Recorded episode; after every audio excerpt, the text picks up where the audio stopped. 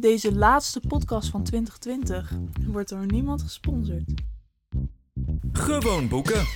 De podcast die je alles vertelt over boeken, behalve wat goede smaak of literatuur is. Met Sascha Haasnoot en Dirk Hulst. Hoi, leuk dat je luistert naar de allerlaatste podcast-editie van 2020 van Gewoon Boeken Podcast. Mijn naam is Sascha Haasnoot En mijn naam is Dirk Hulst. en om ons heen is onze allerliefste geliefde voorleesster Darcy Bill. Alle drie werken wij in een boekhandel en wij zijn deze podcast begonnen omdat wij het over boeken willen hebben. Zonder je te vertellen wat literatuur of goede smaak is. Dus hier zijn we. We gaan in deze laatste 2020 podcast editie even een terugblik doen op onze twee favoriete boeken van dit jaar. Side note, dat zijn niet per se boeken die in 2020 zijn uitgegeven, maar gewoon boeken die we dit jaar hebben gelezen en die we echt super goed vonden. Precies. Ja, Onze twee favorieten. Dirk, wil jij alsjeblieft beginnen? ik ga beginnen met, eh, eh, met mijn eh, nummer. eh, eh, ik heb eigenlijk gewoon twee nummer 1 favorieten, denk ik. En dat is het boek The Impossible Fortress van Jason, Jason Rekulak. Ehm, Dat klinkt als een insect. ja, hè? Vind ik ook. Rekulak, Rekulak. Ehm, en dat is een boek dat gaat over eh, een jongetje. En die eh, houdt heel erg van eh, computeren. En niet zomaar computeren, want hij leeft in de jaren tachtig. Dus dan kan je nog niet zoveel met de computer. Mhm. Behalve als je er zelf echt diep in gaat zitten.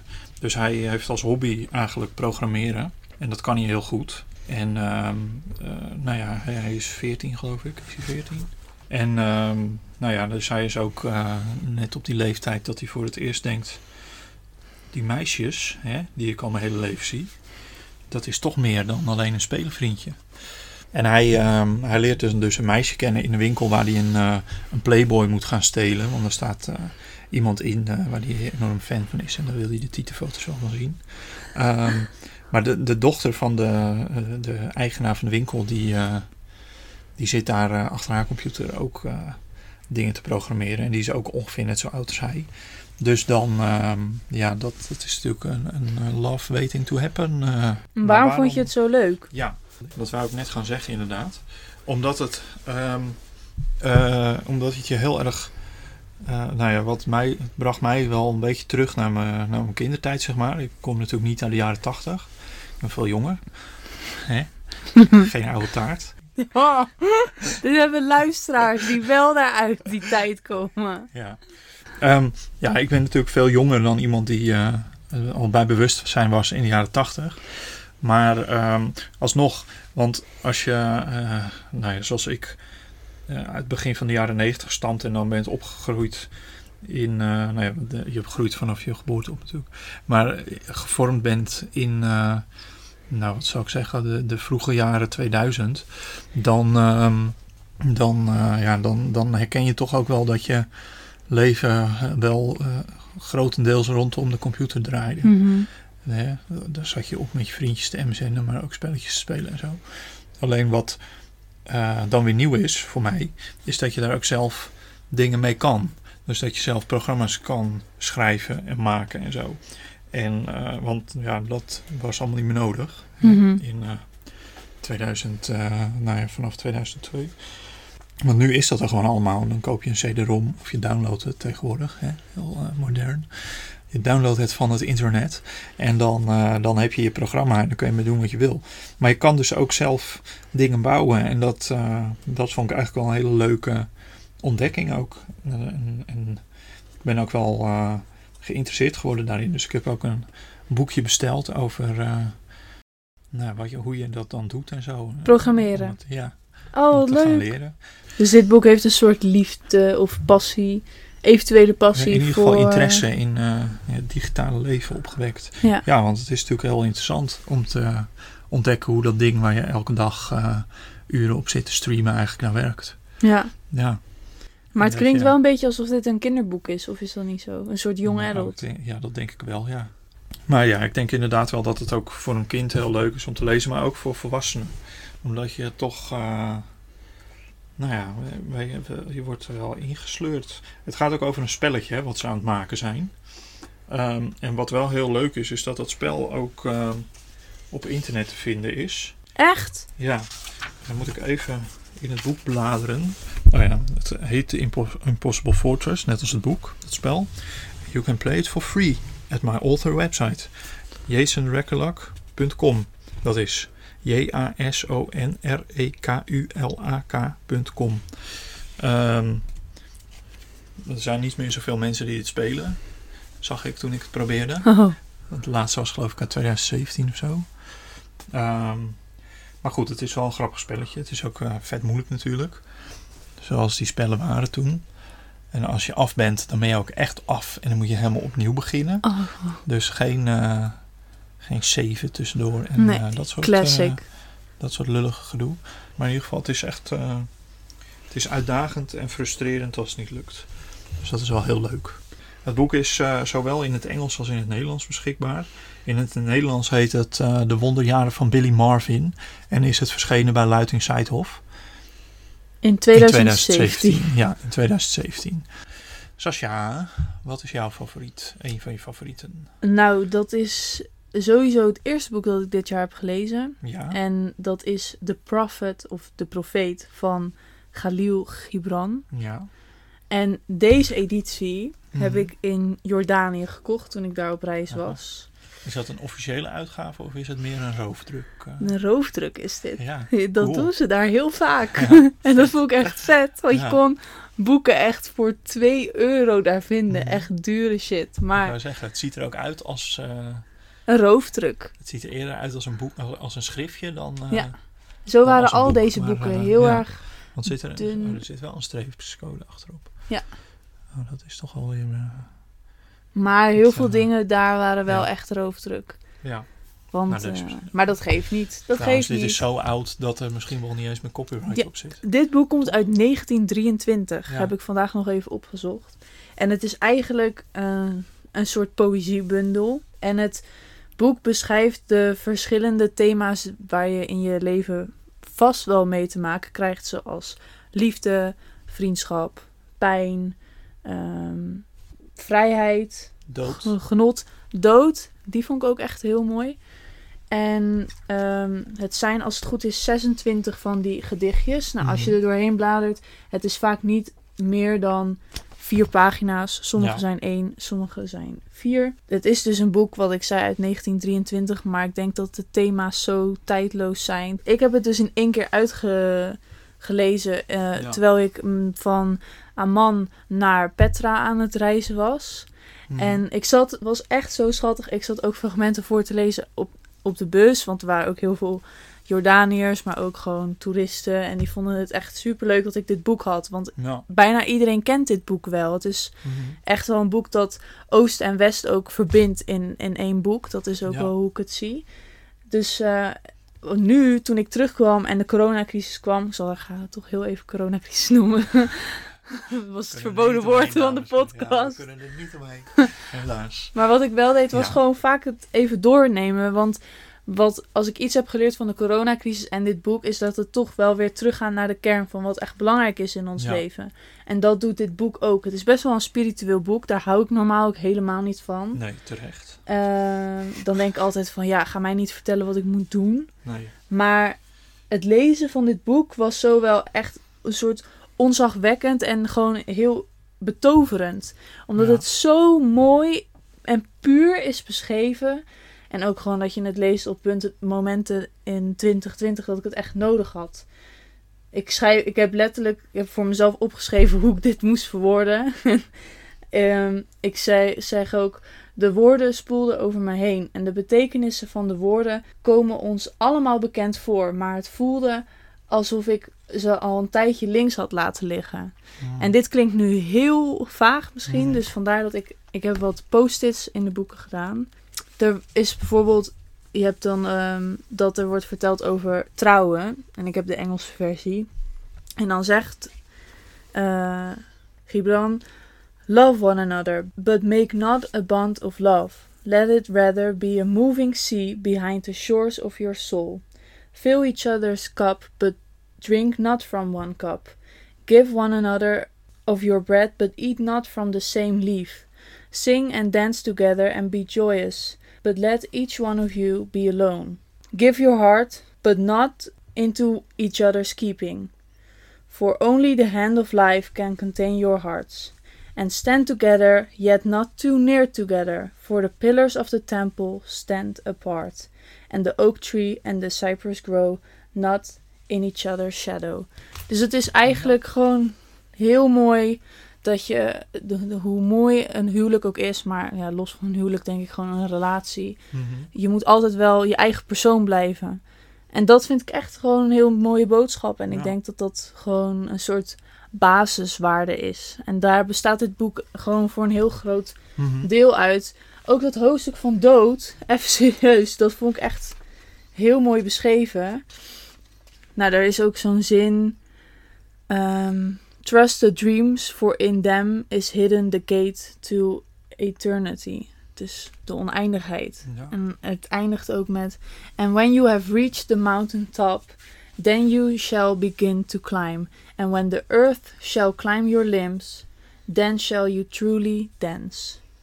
Dat is echt een soort laatste adem. Ik weet niet, ik vind het wel echt mooi. Ik ben helemaal niet Ja. van dit soort spirituele dingen, maar af en toe las ik dit en dan dacht ik, oh ja, oh ja. Het zijn Mhm. heel veel van die oh ja momentjes, want je Ja. weet dit zelf ook donders goed. Maar toch is het gewoon fijn om weer even zo'n stem te Mhm. horen, ja, vond ik. leuk hoor. Ja, ik vond het echt heel mooi. Ik Ja, denk dat ik dit dat altijd mooi. op de plank zal blijven hebben. En er af en toe gewoon Ja, even doorheen bladeren. Dus het geeft me echt wel veel moed om gewoon de dag door te komen. En vooral nu in deze tijd denk ik dat heel veel mensen dat nodig hebben. Dus ik zou zeggen, koop het voor jezelf. Lees het lekker in 2021. Als het goed met je gaat, als het slecht met je gaat. En geef het aan iedereen cadeau, want het is echt een prachtig boek. deze roofdruk eh, is gedrukt in India, staat erin. Oh joh. Dus het is eh, bijna de halve wereld al omgereisd. Nou joh. Het is toch leuk. Oh ja, ik zie het. Leuk. Mijn andere favoriet voor dit jaar is eh, het boek Leviathan Wakes van James S.A. Corey. En eh, dat is deel 1 in een serie. En die serie die heet The Expanse.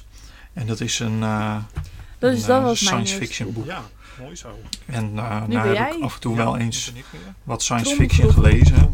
Het is een is andere leuk. plek nummer Maar 1, hè? Soms, Ook. maar soms ook niet. Kijk, kijk, kijk, kijk hoe dit als ding dat je een goede hebt. En ik zal vertellen waarom dat is. Waarom het zo, eh, nou waarom het zo aanspreekt, zeg maar. Het is eigenlijk een soort toekomstdroom waarin de mensheid het zonnestelsel heeft gekoloniseerd.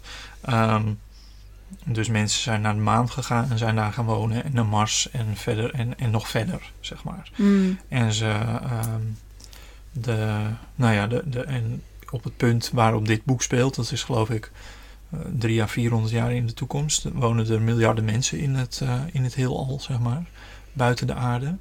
Dus daar speelt het zich ook af. En eh, nou ja, zoals in eh, elke goede science fiction draait het natuurlijk uit op oorlog.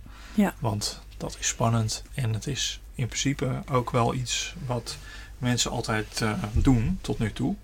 Er gaat geen jaar voorbij zonder dat er niet. eh, Maar is dat tussen paar, mensen die dus op ja. verschillende planeten wonen? ja, precies. Dus het is eigenlijk gewoon het, het klassieke menselijke verhaal. Oké. Van eh, er zijn verschillende groepen en die gaan elkaar bevechten. En er, er is natuurlijk altijd er is spanning vooraf. En dat draait dan uit op een gewapend conflict. Oké. Dus dat is eigenlijk heel herkenbaar. En ook wel, nou ja, ligt ook wel in de lijn van verwachtingen. Ja. Als je ervan uitgaat dat eh, de aarde en Mars eh, twee eh, nou ja, soort superpowers worden in, eh, in het Mhm. zonnestelsel, zeg maar. Dus dat is heel leuk. Heb Dat je dan ook een soort goed, goede en slechte planeet? Vraag Nee. ik me dan af. Nee, dus dat is ook heel realistisch. Oh, wat goed. Dus, eh, dus het is niet zoals Star Wars waar je de, Ja. de, de slechterik en de goede rik hebt. En dat de goede rik dan altijd op een magische manier eh, wint. Terwijl ze compleet onder, eh, nou ja, onderbemand zijn en Ja, ja, niet genoeg power hebben, zeg maar. Ehm, dat is het allemaal niet. Het is, eh, het is eigenlijk, ehm, net als Game of Thrones, is het een heel realistische vertelling van, in, in zo'n, nou ja, in dit geval science fiction wereld. Ja. In het geval van Game of Thrones in de fantasy wereld. Want ja, ja, en ik denk dat dat, dat is redelijk nieuw volgens mij, dat, dat zeg maar die sprookjeswerelden, dat daar ook eh, dingen gebeuren waarvan je denkt, nou dat zou nog wel eens echt zo kunnen gaan. Ja. In plaats van dat je denkt, het is leuk, maar dat slaat natuurlijk nergens op. Ja, ja, ja. Zoals ik altijd bij Star Wars heb. Ja. Dat is dus heel leuk hieraan, dat het die re- de- realistisch, eh, eh, eindelijk eens een keer een realistisch verhaal is. En ehm, wat ik ook aantrekkelijk vind, is dat het, nou ja, het, wat zich afspeelt, is eigenlijk heel dichtbij, Hmm. zeg maar. Het is niet eh, in, in een galaxy far, far away, Mhm. om maar in de Star Wars bashing te blijven. Ehm, het, is, het is om de hoek en het is eh, nou ja, een paar honderd jaar in, de, in de toekomst. En als het goed is, gaan wij de eerste stappen daar ook van meemaken. Dus dat maakt het heel interessant. Ja. Ik denk ook dat als er eindelijk eens een keer mensen naar de maan gaan en daar iets bouwen en naar Mars, dat het eh, een enorme opleving krijgt. Ja, Want dan wil iedereen natuurlijk weten wat gaat er dan gebeuren. ja. En dan is dit, ehm, nou ja, wel een soort van, eh, soort van eh, toekomstvisie. het is eigenlijk gewoon heel leuk wat dat betreft. En het is eh, goed en vlot geschreven, zoals, eh, zoals het hoort bij dit Ja. soort series. En het zijn dus, eh, ik geloof dat er inmiddels wel negen boeken van zijn of zo. En dan ook nog allemaal van die kleine tussenboekjes die ze toch maar even Oh, geschreven ja. hebben, weet je wel. ja, Dus je kan lekker even voort als je hier aan begint en je denkt dat is leuk. Het is alleen in het Engels beschikbaar, voor zover ik heb kunnen vinden. Wat ik op zich ook wel eigenaardig vind. En wat helemaal leuk is, is dat er ook een serie van is. Op Oh. Amazon Prime. Die heet ook The Expanse. Die heeft inmiddels geloof ik vijf of zes seizoenen. Vijf.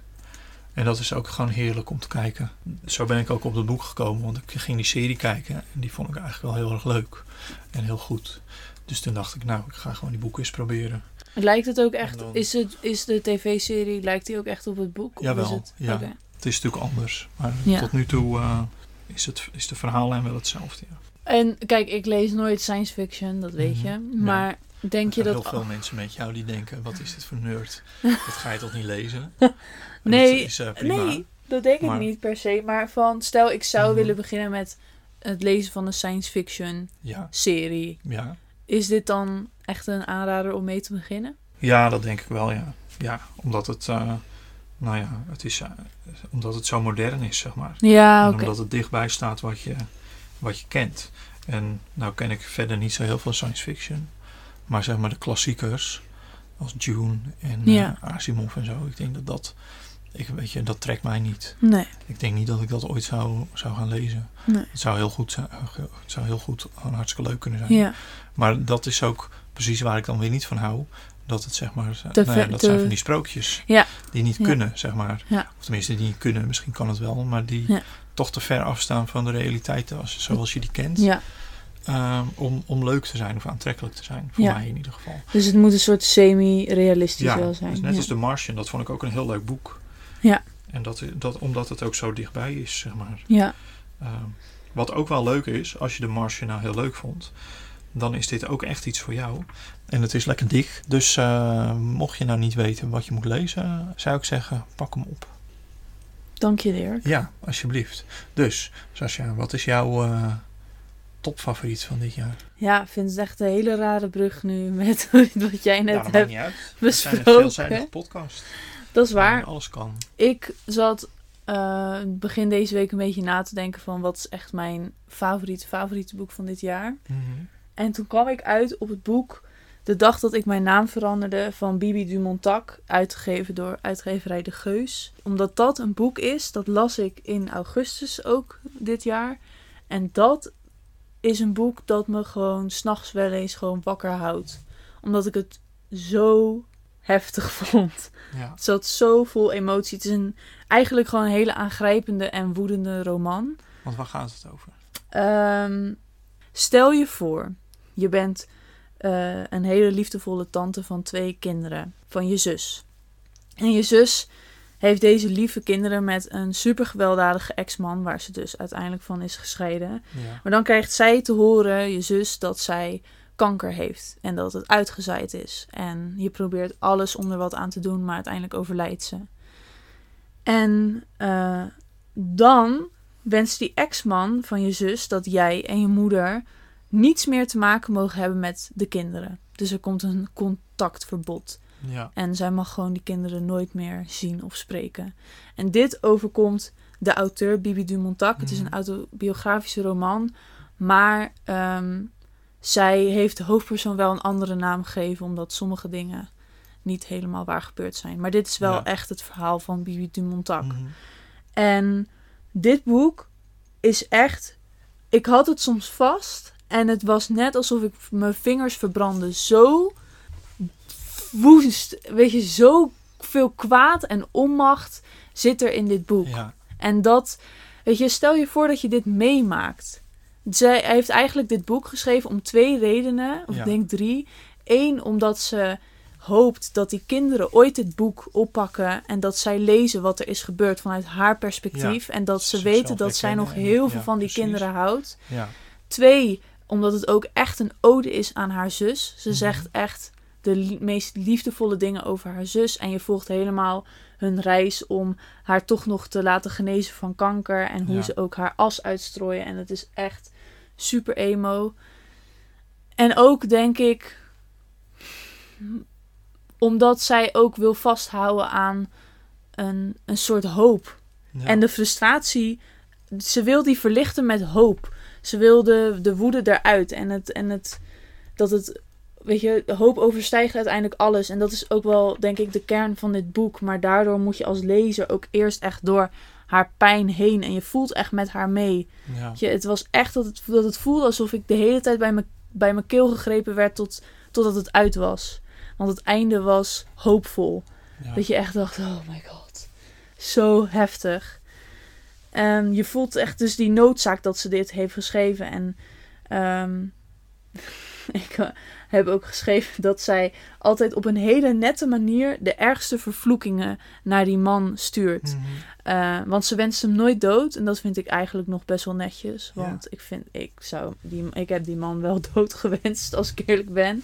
Maar ze zegt dan bijvoorbeeld: Hij wiens naam ik niet zal noemen, mogen zijn ziel voor eeuwig zweven tussen een wolk van dansmuggen boven de zwavelgrotten van Transylvanië.